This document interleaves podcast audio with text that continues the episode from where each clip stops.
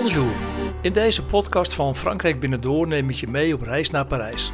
Maar via een alternatieve route met de auto, waardoor je ook een bijzonder stukje Frankrijk zult ontdekken.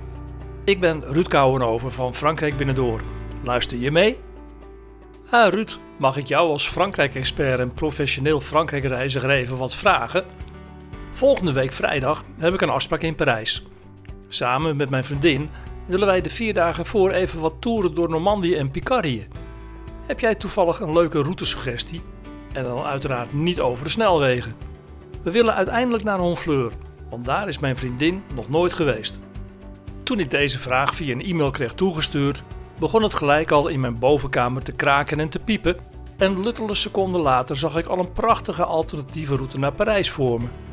Ik stuurde hem dus maar meteen mijn antwoord in een e-mail terug. Hoi beste Marcel, je vraag heeft mij op een idee gebracht. Dus hier is mijn alternatieve route naar Parijs. Als je voor de afspraak in Parijs door Picardie en Normandië wilt, dan kan ik je als eerste stop de baai van de Somme aanraden bij Le Crotoy. Ten noorden ervan liggen mooie stranden en een heel fraai natuurgebied. De baai zelf is ook heel gaaf trouwens. Aan de overkant bij Saint-Valery-sur-Somme kun je met een gids bij laag water de baai in om zeehonden te spotten. En de stad Amiens is trouwens ook altijd heel erg leuk. Ik zou er dan zelf voor kiezen om in Saint-Valery-sur-Somme een hotel of chambre d'hôte te boeken voor twee nachten. Waarom?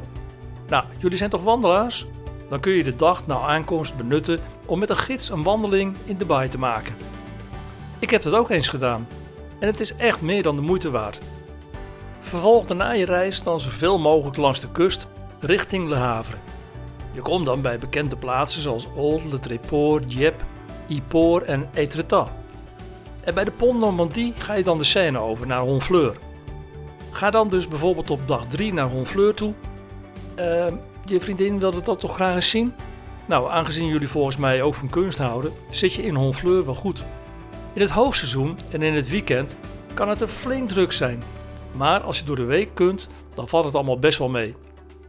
Zelf verblijf ik graag in het Mercure Hotel Honfleur, omdat zij er een afgesloten parkeerterrein hebben. Dat is wel zo fijn als je op doorreis bent met koffers in je auto. Maar ik heb er ook wel eens in het goedkopere Kiryat geslapen, waarvoor het hotel ook voldoende parkeerplaats is. Maar er zijn zat hotels en chambre d'hôtes in Honfleur om een heerlijke overnachting te kunnen boeken.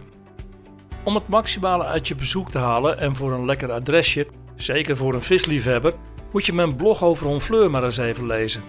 Weet je wat ook leuk is? Als je naartoe rijdt, luister dan even in de auto via Apple Podcasts of Spotify naar mijn podcast over Honfleur. En dan praat ik je onderweg wel eventjes bij. Na het ontbijt, niet te laat, kun je dan besluiten om te lunchen in Rouen. Een superleuke stad met een gezellig centrum. En van Honfleur naar Rouen is het ongeveer 80 kilometer als je binnendoor gaat. Deze stad heeft mijn hart veroverd. Ik heb Rouen altijd links laten liggen. Ja, eigenlijk rechts. Maar dat is helemaal onterecht. Het is een supermooie binnenstad met een rijke historie. Bijvoorbeeld over Jeanne d'Arc. Mijn tip is in elk geval om over de binnenwegen zoveel mogelijk de scène te volgen. En als je even lekker door Rouen geslenterd hebt en de lunch er gebruikt hebt, is het tijd om naar je volgende stop te rijden. Volg gewoon de scène stroomopwaarts richting Giverny. Dat is ongeveer anderhalf uur schat ik en circa 65 kilometer. Um, jullie zijn toch kunstliefhebbers? Nou, in Giverny vind je het huis waar Claude Monet gewoond heeft, met de prachtige tuinen die in veel van zijn schilderijen zijn te zien, zoals de beroemde waterlelies en het Japanse bruggetje. Ik heb er ook een apart blog over geschreven, waarin je nog veel meer leest en ik weet zeker dat jullie hiervan zullen genieten. Maar voor je in Parijs aankomt, wacht je dan nog één overnachting. En als het je lukt, moet je proberen een kamer te bemachtigen in Le Petit Giverny. Het is een hotel met drie kamers op een topplek.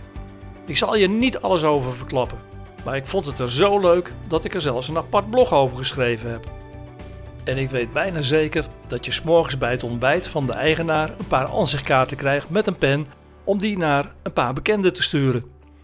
Na het lekkere en leuke ontbijt kun je dan de scène stroomopwaarts volgen naar Parijs. Dat kun je op je gemak doen, want het is nog maar ongeveer 90 kilometer. Een beetje afhankelijk van de plek waar je in Parijs moet zijn. Als je vroeg vertrekt en deze dag nog niets gepland hebt, kun je misschien naar Versailles, want dan kom je praktisch langs. Grofweg ziet de hele reis er dan zo mooi uit dat ik het maar voor je heb uitgestippeld in een route in Google Maps. En als je nog tips in Parijs wilt, dan hoor ik het wel.